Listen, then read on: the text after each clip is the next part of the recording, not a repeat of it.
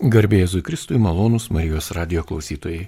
Kviečiame pasiklausyti laidos apie moterų pusryčius. Tai yra tokia iniciatyva, kuri jau vyksta Lietuvoje ir apie šią nuostabę religinę, šeimininę bei bendruomeninę patirtį maloniai sutiko papasakoti Nida Matiukienė ir Rasa Špokienė. Jas kalbina Liutauras Serapinas ir aš sveikinuosi su gerbiamomis Nida ir Rasa. Garbėjai Jėzui Kristui. Ramžius amen. Dėkoju, kad atėjote į Marijos radijos studiją ir kviesiu jūs papasakoti apie tai, kas yra tie moterų pusryčiai, kaip jie atsirado, kuo jie svarbus jums asmeniškai ir ką jie duoda visuomeniai, bendruomeniai, Lietuvai ir katalikų bažnyčiai visame pasaulyje. Taigi, kaip galite pristatyti jūsų bendruomenišką iniciatyvą moterų pusryčiai? Na gerai, tada aš pradėsiu, Nida. Ir turbūt istorija mūsų yra labai sena, gal 20 keli metai jau. Prasidėjo viskas nuo iki mokyklinio amžiaus mamų klubo. Ir reiktų prisiminti tą laikmetį, kada mes išėjom vat, iš sovietmečio į nepriklausomybę. Toks dalykas kaip mamos tarsi neegzistavo visuomenėje. Ir pradėti nebuvo paprasta, nes tiesiog buvo reiškinys toks netikėtas, neregėtas, žiniasklaida buvo susidomėjusi. Ir mes čia nu, nesukūrėm šito modelio, jisai atėjo iš JAV, iki mokyklinukų mamos vadinosi ta iniciatyva. Ir ji vyko, JAF vyko bažnyčiose ir mes taip pat pradėjom ją bažnyčiose, nes pačios buvom tikinčios, na, aš bent buvau tikinti rasa, papasakos apie save, kokia istorija jos, ir susipažinom būtent ten. Ir per keletą metų labai netikėtai ta veikla išaugo į tokį visai nemažą projektą. Man kaip mažų vaikų mamai teko važinėti per bažnyčias, per net tris bažnyčias, koordinuoti tos mamų susitikimus. Po to prisijungė nemažai moterų ir gimė ir kursai besilaukiančioms, ir programa vaikam, mamoms auginančioms 2-4 metų vaikus, ir, jo, ir truputį vyresnius vaikus, 4-8 metų vakarai dvasiniams apmąstymams ir tokių vat įvairių grupelių, jų pakraipų, viskas priklausė nuo, nuo tos bendruomenės ir nuo moterų, kurios susirinko ir kokios, kokio raidos tarpsnio vaikus augino. Tai toks labai, labai įdomus projektas buvo, tik tai jisai pareikalavo labai daug jėgų, daug darbo ir šiek tiek, nu, galima sakyti, ir pavargau tam tikrą prasme. Rasa, gal tu įsiterpsi, kaip tu patekai, kaip kokia istorija tavo? Tai taip, į mamų klubą aš patekau vien todėl, kad norėjau, kad mano vaikai pažaistų. Jie nelankė darželių ir tiesiog mačiau galimybę. Man pradžioje iš tiesų net nebuvo įdomu, ką kalba moteris. Bet laikui bėgant aš pamačiau, kad yra tikrai gerų temų Ir prisijungiau, prisijungiau daugiau kaip iš meno pusės, darydavau su moteriam rankdarbius, nes esu meno žmogus. To dėka iš tiesų įtikėjau ir sutikau Jėzų. Šitos tavo istorijos net ne taip gerai prisimenu šitą istoriją, tik atsimenu, kad buvo sudėtinga labai rasti mamų, kaip jas pakviesti. Ir kaip prie medžių miškelėje kabinau skelbimus ir jie vadinasi, kur dingo visos mamos. Tokie su humoru truputį su telefonais, jau prie pušų klievau tos lapelius. Ir tai buvo nu, tikrai tokios sėkmingos akcijos, mamų prisirinko labai daug ir mes, vat, tas toks klubas buvo Pilaitės Švento Juozapo parapijoje, dar tada kuningas Justinas Aleknavičius buvo ir tikrai globoja mus ir nu, tikrai esu dėkinga už, už atvertas duris, nes kitu atveju būtų reikėję į seninijų prašytis patalpų, o kada prašai patalpų kažkur tai pasaulietinėse organizacijose visai lab, sunkiau, žymiai sunkiau yra pertikti tą dvasę ir melstis ir, ir tos mamos atėjo netikinčios tiesiog iš gatvės ir, ir buvo tikrai įdomu jas auginti. Nu, atrasos istorija tokia irgi. Na, dabar mes pavadinom moterų pusryčiai, nes ir būtent dėl to, kad, kad tos iki mokyklinukų mamos, ta iniciatyva labai skiriasi, jos vat, turi specifinius poreikius iki mokyklinukų mamos. Tokį kaip ir jie išskirti yra, kaip perspektyvos matymo, tikslo matymo, poreikis būti gera mama, pripažinimo poreikis, savo darbo pripažinimo, nes mes žinom, kad mamos sėdi su vaikais kabutėse, savo tapatybės, kas aš esu, toks vat, labai, labai tam tikra raida moters gyvenime, ji siejasi su nauju vaidmeniu. Ir todėl mes turėjom tos mamų klubus ir tai, ką mes vat, pasėjom per, per, nežinau, per pirmą dešimtmetį gal, Tai tos iniciatyvos išliko iki šiol ir aš tai vienur, tai kitur matau, kad grupelės jos gyvuoja ir nu, tas labai džiugina. Dabar jau, na, mes jau kaip turim paaugusius tos vaikus, jau mano vyriausiai 23, rasos turbūt dar vyresnė, ar ne? Mano trys jau visiškai suaugę, mažiausiam 15. Nu va, ir mūsų pačių poreikiai pasikeitė. Ir dabar tas, va, tarsi galima sakyti, moters laikai, moters gyvenime yra tam tikri laikai ir vidutinėme amžiuje yra visai kiti uždaviniai, raidos uždaviniai, kada buvo tas ankstyvasis toks brandos amžius, tai mes na, turėjom išmokti gyventi su suoktiniu, sukurti šeimą, auginti vaikus, išmokti tvarkyti namų ūkius ir profesinės karjeras, sužiūrėti klausimus, kaip derinti darbą ir šeimą, rasti savo tinkamą socialinę grupę, va tokie pagrindiniai uždaviniai, o vėliau visai, vis, visai kiti poreikiai. Tai kodėl mes pradėjom tuos mamų pus, moterų pusryčius, ar ne? Pastebėjom, kad bažnyčiose va, trūksta tokio artumo santykio moterims, gyvo, tikro santykio. Ir ats, pasižiūrėjus į raidą galima pastebėti, kad jau vaikų, vaikai paauginti, jau, jau tarsi rankos laisvos yra, bet noras vis tiek yra padėti tiem paaugliam, jauniems, suaugusiems tapti atsakingais, laimingais žmonėmis, kaip juos paremti, kaip juos finansiškai, emociškai paremti, palaikyti, vykdyti tam tikras socialinės pareigas kaip brandaus žmogaus ir piliečio. Kitaip iš naujo tarsi užmėgsti santykius su sutoktiniu, tam tikrą prasme rūpintis sveikata, nes atsiranda ir netikėtai ir lygos, ir reikia tvarkyti su tais klausimais ir padėti viena kitai, prižiūrėti senstančius tėvus. Visai kiti, kiti uždaviniai, kur me, mums reikalingas palaikymas. Ir tokiu būdu atsirado tie moterų pusryčiai. O ar iš tikrųjų per tuos pusryčius jūs gaminate pusryčius, valgote, vaišinatės? Prajokinot šito klausimu.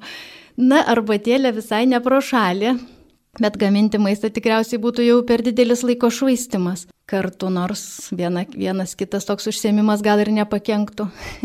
Rasa, kaip tu, tu vat, tiesi šitą iniciatyvą iki šiol, gal pasidalintum, ką veikiate?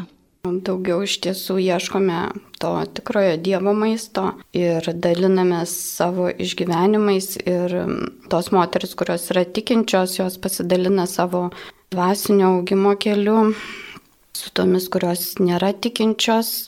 Ir tiesiog nagrinėjame įvairias knygas, kurios veda link to samoningumo, tai yra tarkim brangesnė už perlus, arba žiūrime filmus apie moteris iš Biblijos, e, tiesiog aptariame ir dalinamės. Tai, ką gavome ką patyrėme. Taip, žinoma, darome ir rankdarbius, kartais toksai kaip prasiblaškimas truputėlį kokią atvirutę su Vilna, ar ir iš molio buvau atsinešus, darbelius gaminome. Tai tikrai moteris džiaugiasi tais užsiemimais ir tas toks neformalus susitikimas iš tikrųjų tą artimą ryšį skatina tiesiog ugdo ir mes vieną kitą pažįstam. Ir iki dabar dar turiu moterų, su kuriomis ir toliau bendrauju. Ir tikrai geri draugiški santykiai. O kaip į jūsų šią veiklą žiūri jūsų šeimų nariai, vaikai, vyrai? Na, tarkim, nu, vyras sėdėjo vienas namuose, kokius tris metus sėdėjo, sėdėjo, nuobodžiavo ir galų gale pradėjo lankyti kas sekmadieniais šventas mišes. Na, aišku, jisai užsiminė, kad Kai aš jam pasakiau tą mintį, kad tai buvo, tai sako, na, aš klausiau ir Marijos radijo laidų. Tai va tas viskas susidėjo ir iš tikrųjų jį paskatino ateiti prie Dievo. Tas toks buvimas vienam ir matymas, kad aš dalyvauju bažnyčios susitikimuose ir veikloje. O vaikai? O vaikam tikrai kol jie buvo maži, tikrai patikdavo, jie ten žaisdavo ir turėjo įvairių užsiemimų ir netgi įvairių užduotėlių. Tarkim dabar, kai vesdavau pusryčius, tai ateina ir mamos ir su mažais vaikais. Tai taip, ir, ir tiem vaikučiam yra ką veikti. Didesnės būna atsiveda vyresnės dukras, jos irgi daro rankdarbius ir klauso moterų ir taip mokosi iš savo mamų tobulėja.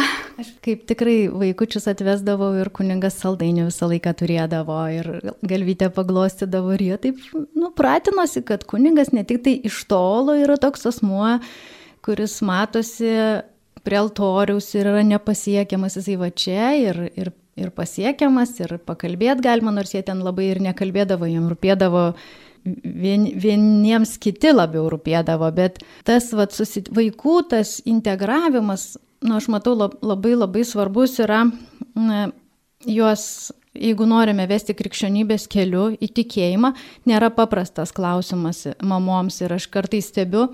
Mamas mišiuose ir taip gaila, jos užsima drausminimu, nuolatiniu vaikų drausminimu. Ir galvoju, nu kas tiem vaikam lieka? Jiems, jiems lieka Dievo paveikslas toks, nu, nelabai aiškus. Iš to, kad mama pikta, patampo, pataso už ausies, parodo ir visas tas mišes reikia kažkaip atkentėti. Ir vat, čia yra kiša koja mums truputį. Toks vat, sudėtinga yra perduoti tikėjimą, tik tai jeigu mes dedame viltis į šventas mišes ir tik tai čia. Ir vaikai turi matyti mūsų kasdienybę, kaip mes gyvenam, kaip mes melžiamės, kaip mes praeinam per sunkumus. Vaikai turi žinoti, kad Dievas yra meilė, o drausminimas toj vietoj būtent, kada vyksta šventos mišios, tai nu, yra visiškai priešinga. Aš nesakau, kad nu, reiškia vaikus palikti, bet juos reikia paruošti. Paruošti ir, ir padėti jam, atsimenu, kada ateidavom į mišes visą laiką grumdavosi, kuris prie mamos sėdės. Ir prasideda nuo pat pradžių grumtinės, kas prie mamos, kuris prie mamos. Ir vienas, ir kitas, ir trečias, ir visi nori savo garbingos vietos, ir nu kažkaip tai pradžioj, o po to jie ir tu turi, kaip mama, aš turiu visą laiką juos ir laikyti už rankos, ir apsikabinti, ir būti šalia, ir jie per tėvų meilę, per motinos meilę, jie turi pažinti, kad Dievas myli. Bažnyčia yra ta vieta, kur aš patiriu meilę, kur aš galiu jausti saugus, kur yra atsakymai, kur Dievas tikrai išties ranką, kai reikės. Tai, nu, bet tas, tas sakau, tas toks nuolatinis gyvenimas, jisai, jisai labai natūralus, kada žmogus gyvena su Dievu, jis gyvena visur su juo. Nėra, kad mes gyvenam vieną gyvenimą bažnyčiai, kitą gyvenimą namie, trečią socialiniai veikloj ir ketvirtą darbę ar, ar panašiai. Aš norėčiau įsiterpti šioje vietoje, nes jūsų besiklausydamas aš tiesiog grįžau į savo vaikystę, į tuos laikus, kurie buvo, na, septintajame, aštuntajame dešimtmetyje ir e, tuo metu daug kur mišios vykdavo lotynų kalba ir vaikams tokių, kaip čia pasakyti, patarnavimo arba tokių kažkokių įkrikščioninimo programų, kurios dabar vyksta, na, su žiburiu net nerasi. Nebuvo. Ir mes vaikai, kaip sakant, bažnyčioje tikrai rasdavom Dievą ir mylėjom Dievą ir karštai melzdavomės. Ir prisimenu, kad net ir klupoti per šventasis mišes reikėdavo truputį ilgiau negu dabar. Ir jos ilgesnės būdavo. Ir kažkaip va vis tiek tas tikėjimas rado kelią širdyje, rado kelią gyvenime.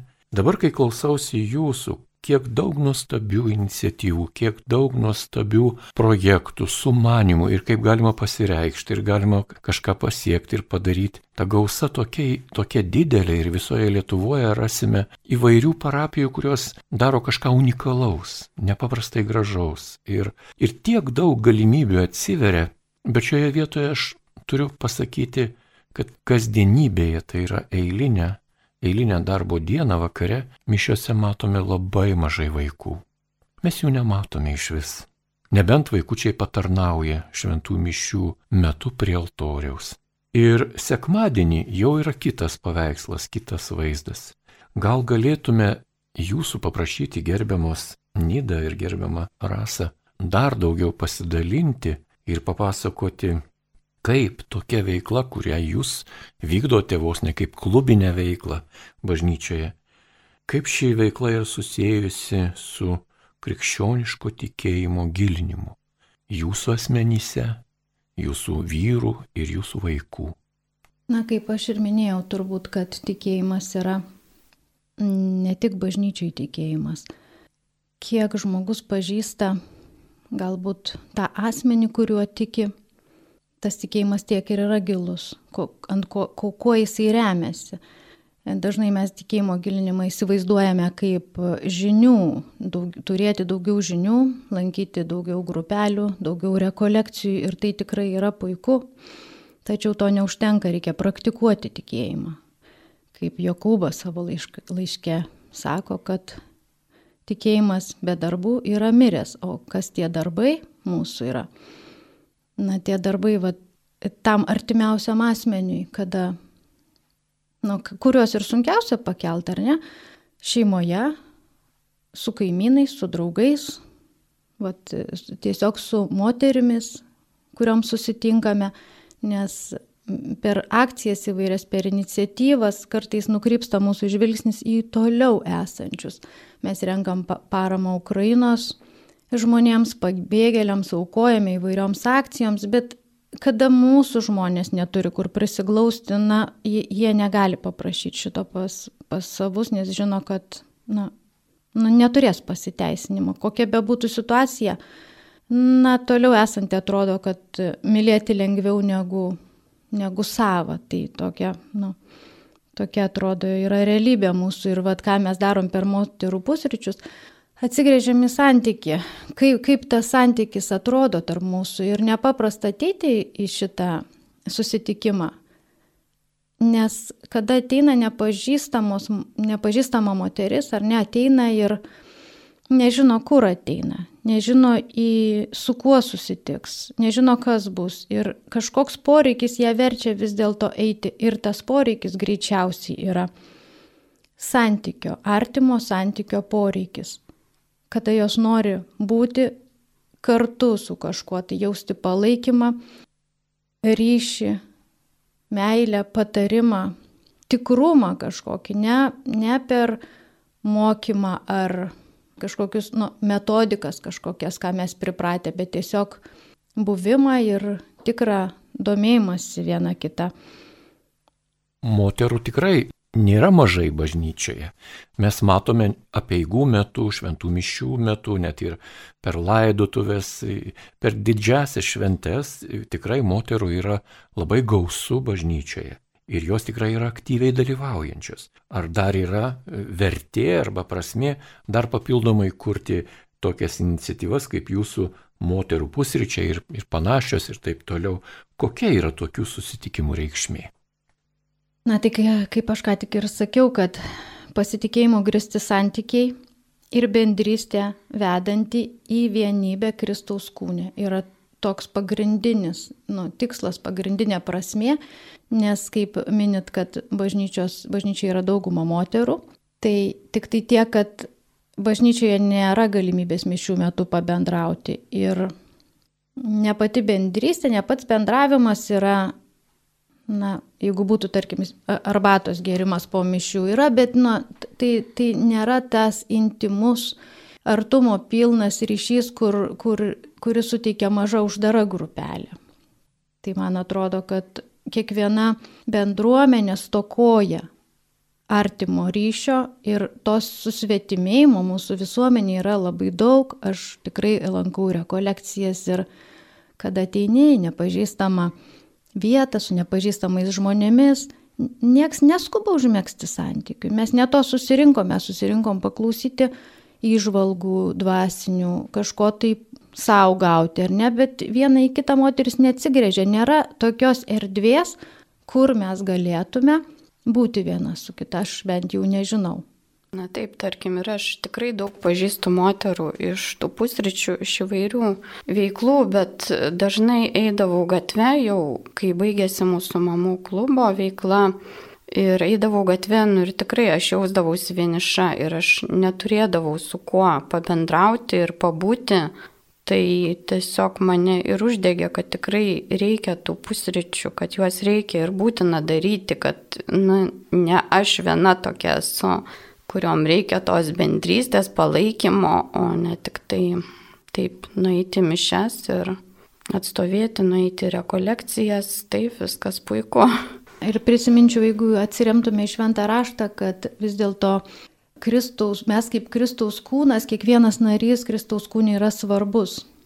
Ir laiškuose ypatingai aprašyta, kaip kiekvienai daliai veikiant, e, mes sujungti įvairiais ryšiais, raiščiais, kad pats kūnas ugdytų save meilėje. Ir bažnyčios toks kaip vaizdas nu, nusipiešia man, kad kaip gyvas statinys mes įpareigoti ugdyti save meilėje. Ir tai, tas nėra paprasta.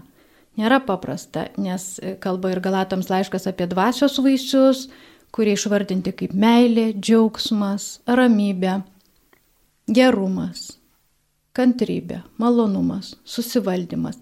Ir šitos visos darybės jos auga santykiuose. Jų mes negalim kitaip užsiauginti, nes kitas yra mūsų veidrodis. Tai tas artimas ryšys yra tiesiog būtinas vienybei. Na, aš ne, ne, neįsivaizduoju, kas galėtų būti svarbiau negu, negu aukti ir tapti, na, kaip raštas sako, pasiekti Kristaus brandos amžiaus saiką. Malonus Marijos radio klausytojai, jūs girdite laidą, kurioje apie savo religinį gyvenimą ir iniciatyvas pasakoja moterų pusryčių iniciatyvos organizatorės Nida Matiukienė ir Rasa Špokienė. Jas kalbina Liutauras Serapinas. Tikrai jau daug papasakojote apie savo iniciatyvą ir tam tikrus jau patyrimus atskleidėte.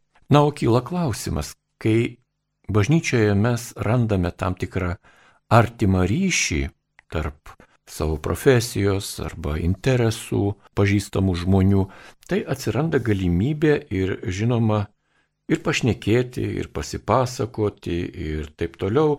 Atsiranda ir paviršutiniškų dalykų, apkalbos ir ką kita. Ar tokį pavojų jūs patirėte savo iniciatyvoje? Ne, iš tiesų tai tokio atsitikimo neturėjau, kiek vedžiau moterų pusryčius, tai tiesiog nesusidūriau su apkalbom visos yra geranoriškos ir tikrai išeina laimingos ir džiugia nuotaika ir mielai ateina kitą kartą. Turbūt aš galvoju, kad moteris turi įveikti tam tikrą barjerą, kad ateitų į šitą susitikimą su kitom ir ateina ne dėl to, kad ant kažko tai kalbėtų ar jos ateina su poreikiu, ateina į santyki ir jos rizikuoja, kiekvienas santykis yra tam tikrų būdų rizikingas, tai čia tiesiog net nėra vietos nu, tokiam žemesniai kultūrai ar, ar kažkokiems tai stereotipams, na, kaip ten mes turim kažkokią stereotipą davatku ar ne, tai nu, čia nėra vietos tam, nes viskas yra tokia mažam rate, jisai, jisai turi savo tikslus, kaip nu, daug priklauso nuo vedančiosios, labai didelė dalim priklauso, kaip jinai ves, kiek jinai pati brandi yra, tai nežinau, man tai ta kokybė yra labai aukšto lygio tų susitikimų. O kokie iššūkiai, kokios svajonės jūsų yra šioje veikloje? Na, kartais iš tiesų, kai esi viena ir tarkim, kuri mama prisideda, kad ir arbatos pagaminimu ir pagimdo vaikelį ir tu lieki viena, viską organizuoti nuo plakatų, nuo pakvietimų, Tai tiesiog kartais ir nusvyra rankos, plus finansinės paramos jokios nėra, tai viskas iš savo iniciatyvos vyksta. Tiek rankdarbiams skirtos medžiagos yra iš su, sukauptų santaupų, tiek kita visa veikla vykdoma. Žinoma, moteris prisideda, jos atneša vaišių, atneša arbatos, bet kai yra dar palaikymas dviese, vedi, tai yra žymiai lengviau, bet jeigu lieki, tarkim, viena, kuri organizuoji, tai tada tikrai yra sudėtinga ir, ir tos rankos nusvyra tada. Reikia iš naujo pradėti. Man atrodo, kad dabar va šitas klausimas užvedė ant minties, kad šita veikla labai skiriasi nuo daugelio kitų veiklų vien dėl to, kad tai nėra jokia projektinė veikla, Antras dalykas, kad nėra priklausimo jokiai organizacijai ir nėra palaikymo tuo pačiu. Labai sudėtinga pasakyti, ateiti bažnyčią ir sakyti, vad aš čia tokia rasašpokienė, ne? Ar, ar neda. Ir kunigas žiūri ir nu, nenori, jie, niekas nenori rizikuoti. Kas tu, ką tu čia veiksi ir, ir kuo tu čia užsiminėsi ir mes nežinom. Ir pradžioj tikrai mes ir kaip mamų klubą pradėjom, susidūrėm su to iššūkiu, kas jūs mamos, o kas yra mamos, iš kur jūs čia atsiradot iš vis Ir tai buvo sunku pa, pas, paaiškinti, mes esame, mes auginam vaikus, mes esam svarbios. Atsimenu, ypatingai net žurnalistai taip susidomė buvo, vieną kartą buvo kažkokiai Litexpo mugiai, nežinau, kodėl mes ten atsidūrėm, bet atsimenu, kad davė Litexpo ištisą stendą, ištisą sieną, mamų klubui, su rankdarbiai, su reklamų, galvurasa, kaip tu gavai tą Nemokamai. Čia, nes ten tos kainos ten labai didelės. Visą sieną davė, va, mamos, simkit, darykit. Žurnalistai atėjo ir klausinėjo, kas čia, iš kur tos mamos atsirado. Taip, mes esam. Mes norim pasakyti, kad mes esam svarbios, nes mes auginam vaikus Lietuvai. Na ir tai prasidėjo viskas. Ir sudėtinga, kad ant tos mamos pečių, ant tos vat moters pečių krenta va tokia našta, bet Bet tai ir yra tikras gyvenimas. Mes gyvename ne iš pašalpų ir ne dėl to, kad mus kažkas finansuoja, mes tikime, einame į bažnyčią. Tai ir yra mūsų gyvenimas, patys ir finansuojame savo gyvenimą, juk taip. Na teisingai, bet įsivaizduokit, aš nei vienos tokios veiklos nežinau, jeigu primintumėt, gal mažai žinau, bet kiekviena veikla remiasi į kažkokią organizaciją. Ar tai būtų Dievo motinos komandos, ar su toktiniu susitikimai, ar būtų namų bažnyčios, ar kažkas, nė, nėra nieko va tokio pakibusio, kuris išplaukia iš bendruomenės poreikio, iš paprasto žmogaus poreikio. Viskas kažkaip yra, na ir tai yra tada tiems vedantiesiems, dalyvaujantiems, jie žino, kas jie. Mes esam va tokios grupelės dalis ir mes didžiuojamės tuo. O mes vat nesididžiuojam, nes atrodo, sukur dviratį reikia, bet tas dviratis yra visai neblogas, nes dabar tos veiklos vyksta. Aš pasižiūrėjau, vat ką tik buvau užėjusiu bažnyčią, skelbimas kaba, brangesnė už perlus. Kaip nuostabu galvoju, kas organizuoja, žiūriu, bendra keliaiviai, puiku. Ir ta, tos iniciatyvos jos, vat, nu, nu, plečiasi, jos išsilaiko tik tai tiek, kad, nu, sėklą pasėjai tu ir tas, atrodo, tas grūdas turi numirti. Ir Ir vat, nu, kaip sakot, iš to tas tikrumas tada ir tas, tas visas tikrumas ir gimsta iš, kad kažkas sumoka kainą. Kokių naujų narių jūs lauktumėte savo veikloje? Na, aš realiai laukčiau moterų, kurios bijo ateiti bažnyčią, kaip kažkada aš tiesiog negalėjau žengti į bažnyčią, nes man buvo sunku stovėti, ilgai per mišęs buvau prastos sveikatos ir mane tiesiog, tiesiog ten kojos nevedė. Tai jeigu ne tokia veikla, aš niekada, niekada, niekada nebūčiau į bažnyčią atėjusi. Tai va tokių moterų ir laukčiau, kurios bijo, kurios nepasitikė, kurios gal netiki, kad Dievas jas myli, kad gali padėti ir palaikyti jas. Na, o jeigu moteris galvoja, jog Dievas tai ją myli, bet žmonės nemyli, ką tada daryti? Na taip, tada ieškoti Dievo ir pačiai pirmai pamilti žmonės. Na, teisingai, čia turbūt atsigręžti save jau reikia. Jūs taip smagiai kalbate apie tokius sudėtingus ir tokius svarbius gyvenimo bažnyčioje, socialinės rūpybos bei socialinius klausimus, kuriuos bažnyčia tikrai perima iš bendruomenių, iš visuomenės, iš tautos, iš valstybės ir tą vykdo ir iš tikrųjų šiuo metu, kai žiūrime į katalikų bažnyčią, mes joje randame ne vien tai, apie ką kalbėjo apaštalai pirmaisiais savo gyvenimo bažnyčios kūrimo metais. Mes randame daug naujų įvairių veiklų. Kokių idėjų jūs turite, kai svarstote apie savo grupelės ateitį ir veiklą? Aš tikiu, kad e, viskas kils iš Dievo ir tos naujos idėjos ateis iš Dievo. O taip pat iš savo jėgų kažką pasakyti šiai dienai tikrai yra sunku. Na, aš tai galėčiau šitoje vietoje įsiterpti, nes kadangi su grupelėm turiu labai daug na, patirties, tokį ilgą gyvenimo tarpsnį praleidau, Tai pasirinkau tokį ir specialybę - grupės terapeutė ir esu psichologė pati ir turiu tokį poreikį, kad kur žmonės atsiųsti į bažnyčią, kurioje vietoje, kad ateina konsultuotis klientai, individualioj terapijoje. Aš tiesiog prieiname, nes psichologija pati yra ribota Ta prasme, kad mes pažįstame savo įvairius mechanizmus veikimo, savo elgesį, save kaip asmenybę, įvairius dalykus mes pažįstame ir čia sustojame. Mes ir ką daryti su tuo pažinimu, ar ne?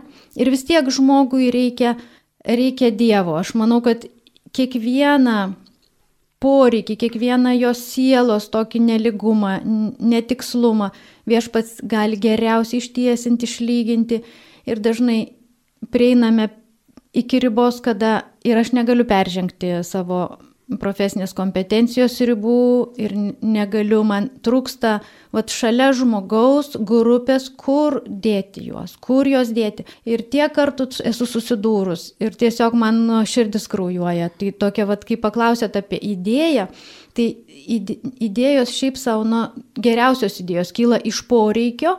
Ir kada žmogus yra, sako, taip, aš noriu Dievo, taip, Dabar aš noriu jo, aš niekada negalvojau apie tai, aš nemačiau, aš priejau iki taško, kada man jo reikia. Kur man jį atsiųsti, į, į kokią grupę. Tai, bet ne visada tai yra moteris, dirbau su sunkiais va, pacientais, šizofrenija sergančiais ir tikrai daugeliu reikia Dievo ir galvoju, ar, ar kažkur iš pažinties pas ką nusiųsti, ar supras kunigas, nesupras, ar atskirs kur lyga, o jeigu jam iš streso pradės halucinacijos vykti, ar jis sugebės tą išpažinti, atlikti tiek klausimų, aš nežinau, kur tuos žmonės dėti, kur juos palidėti pas Dievą. Tai va, ta bažnyčios kažkokia tai misija turėtų būti priimti visus, bet kaip juos priimti, kaip juos paglobot, kai atrodo niekur netelpa tie žmonės. Tai, tai va toks pagrindinis mano poreikis būtų ir, ir nežinau, kai, kaip jisai galėtų būti atsakytas, bet dvasinio vadovavimo, palidėjimo palidėjimo pas į asmeninį ryšį su Dievu, nes kartais, na, yra, žinau, kad alfa kursai ir įvairūs mokymai, bet, na, reikia žmogaus, kuris lydėtų. O kunigai yra per daug užimti. Tai, vad, na, aš nežinau, ar čia būtų galima, gal moteris, galima būtų, vad, ir pas tave atsiųsti, bet ką daryti su visais kitais, aš tiesiog nežinau. Ką pasakytumėte tiem žmonėms, kuriems ne prie širdies yra įvairios bendruomeninės grupelės ir jie gyvena tokį individualistinį gyvenimą arba ateina į bažnyčią tik melstis, tik apieigų? Tai turbūt, nu, jeigu užtenka žmogui tiek, kiek užtenka, nieko čia ir nepasakysi labiau. Yra, yra tokie žmonės, sako, man užtenka Dievo tiek, man užtenka ateiti bažnyčią, nusiramint Ir Dieve, čia yra tavo ribos, kiek aš galiu leisti tau peržengti. Mano gyvenimas yra mano gyvenimas, o tavo gyvenimas ir, na, man nelabai rūpi. Tai aš manau, kad, nežinau, gal bažnyčiose mažai kalbam apie Kristų, apie Kristaus darbą, ką jis padarė ant kryžiaus, kad e, galėtų, na, iškomunikuoti, galėtų būti šita žinia žymiai labiau iškomunikuota, nes girdime pamokslus apie elgesį, apie kaip žmonės, nu, 90 procentų greičiausiai apie, apie tai, kaip reikėtų elgtis, kaip reikėtų ir kaip nereikėtų. Ir nu, man kartais liūdna būna, kad vat, Kristus yra pamirštas tarsi, nes jis įgalina elgesį vienokį ar kitokį. Be jo labai sudėtinga atsisakyti priklausomybių, ka kažkaip tai pagerėti savo jėgom ir to Dievas net neprašo.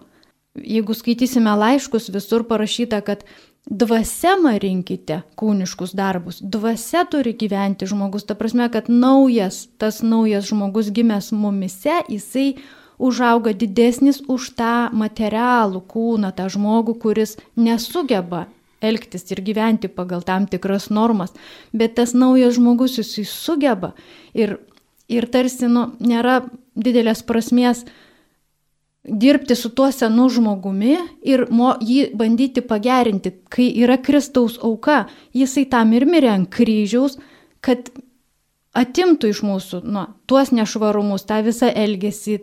Tai, tai, ko negalime savo jėgom padaryti, jisai padarė už mus. Ir priimti tą malonę, tarsi pamokyti žmonės priimti tą malonę, kad galėtų žmogus pradėti gyventi naują gyvenimą su jo pagalba, jo dvasios jėga, ne savo jėgomis. Tai nežinau, kaip aš čia dabar į, į šitą net temą. Jūs tiesiog atsakėte į dar vieną klausimą, kuris turėjo būti užduotas. Tai yra būtent sekantis klausimas, kaip reikėtų sustiprinti įvairiose parapijose bendruomenių veiklą ir ją pagyvinti. Ir nebus vieno recepto. O gal žinot, gal aš čia ir įsiterpčiau, vat tas žodis veikla, stiprinti veiklos yra daug, bet ar mes norim ją stiprinti, ar mes norim stiprinti santyki. Tarp žmogaus ir Dievo, santyki tarp žmogaus ir žmogaus. Man atrodo, čia, va, tam susvetimėjimo tokioj visuomeniai santykis yra toks raktinis žodis, kur reikėtų atkreipdėmėsi, mums fokusuotis, reiktų atsisukti pirmiausia į Dievo ir žmogaus santyki, o tada ir vienas kito, nes, nes patys iš savęs mes kas esam. Mes esam savanaudžiai, esam konkuruojantis, esam nemylintis, Bet ne be Dievo, kada Dievas ateina į mūsų gyvenimą, mes tampame kitokie ir tą meilę galim dalinti su kitais. Tai vad, na, na, aš nežinau, čia toks, toks vad tie pagrindai kažkaip turėtų būti įtvirtinti kiekvienoje bendruomeniai, norėtųsi išganytojų to žodžio apie, apie tai, ką Dievas padarė dėl žmogaus, ką jisai atnešė ir įtvirtinti, vad, nu, tą dvasios gyvenimą bažnyčiai, o ne, žinot, kaip dažnai ko, kovojame su pasauliu, kaip jisai ten švenčia ne tokias šventes, kurias mes norėtume, kaip jisai netaip elgesi, kaip, bet Kristus jisai sakė, mano karalystė nėra šio pasaulio karalystė. Ir mes neturėtume visas jėgas dėti į tai, kad pataisyti šį pasaulį, bet mes turėtume rūpintis Dievo karalystę. Ir net ir gaila kartais, va, dabar tos nauji žodžiai kažkokie ateina, įtvirtinami, naujakalbės, o mūsų krikščioniški žodžiai ne, nebe, nebenaudojami. Žmonės, nu, vad, paaugliai nežino, kas yra šventumas, nežino, kas yra nekaltybė, susilaikimas ar ne, nežino, net, nežino, kad tai egzistuoja. Tai nežinau, kažkaip atrodo, norėtųsi tą kultūrą išsaugoti su savo kalba, nesigėdinti tų vertybių, kuriomis mes gyvenam ir, Ir žmonėm dažniausiai tai yra labai patrauklu, mato, kad tai tikra, kad, kad tai išgyventa, kad tai žmogaus gyvenimo būdas ir tada dinksta tas paradoksas. Tada nebe religijos nenori, bet nori gyvybės, kuri ateina iš, iš žmonių, iš bendruomenių, iš Kristaus kūno, meilės, gyvybės, palaikymo ir tą džiaugsmas, tą, tą matydami žmonės, visi to nori. Ar galėtume apibendrinti keliomis mintimis šį pasakojimą, kurį pradėjome nuo mamų klubo ir moterų pusryčių ir tikrai kelias atvedė į esminius krikščioniškojo gyvenimo patyrimus, paieškas, mąstymus, galvojimus ir maldas. Kaip apibendrintumėte gerbiamą Nidą ir gerbiamą Rasą šią valandėlę, kurią radio klausytojai praleido kartu su jumis? Na, aš gal galiu paskaityti moterų atsiliepimą trumpai, kaip jos atsiliepia apie pusryčius. Ar gali būti nuostabesnė dovana iš viešpatės, kaip rasos skambutis ir pakvietimas į moterų pusryčius? Mūsų mylintis tėvas atėjus laikui atsako į klausimus. Štai ir atsakymas. Kaip daugeliui moterų, taip ir man labai svarbu pasikalbėti, išsipasakoti. Manau, ne man vienai būna tuštumo ar negyvos maldos paviršutiškumo tikėjimo periodai. O kas svarbiausia, visas jas apjungia bendra malda. Tad šventoji dvasia dar labiau viską apvalo, nušviečia kitą šviesą. Na, nežinau, apibendrinimui nemašiau ką čia galima būtų pasakyti, nes gyvenimas kintantis yra ir aš šitoj veikloje jau nebedalyvauju, bet ko aš savo, ko klausiu, savęs, savo kokius klausimus užduodu, visada ateinu ir sakau, Dieve, ko nori iš manęs, ko nori iš manęs šiems metams, ko nori iš manęs likusiam gyvenimui ir bandau suprasti, kokie troškimai gimsta manyje, nes tikiu, kad viešpats pats įkvėpia troškimus ir norus savo dvasia. Ir turbūt svarbu sekti, žiūrėti į Kristų, sekti juo. Ir tai ir išgrinina ir mus, ir turbūt labiausiai yra didžiausias atsakymas kiekvienam artimui, nes Kristus mumise yra viltis, kiekvienam viltis, mums viltis artimui. Dėkoju Jums, mielos Nida ir Rasa, už pasidalinimą, už šią valandėlę, kurioje Jūs papasakojate apie mamų klubo naują iniciatyvą Moterų pusryčiai. O Jums, gerbiami radio klausytojai, dėkojame, kad šią valandėlę buvote kartu. Jums pasakojo Nida Matiukienė ir Rasa Špokienė. Jas kalbino Liutauras Serapinas, ragindamas jūs ir toliau likti su Marijos radiju.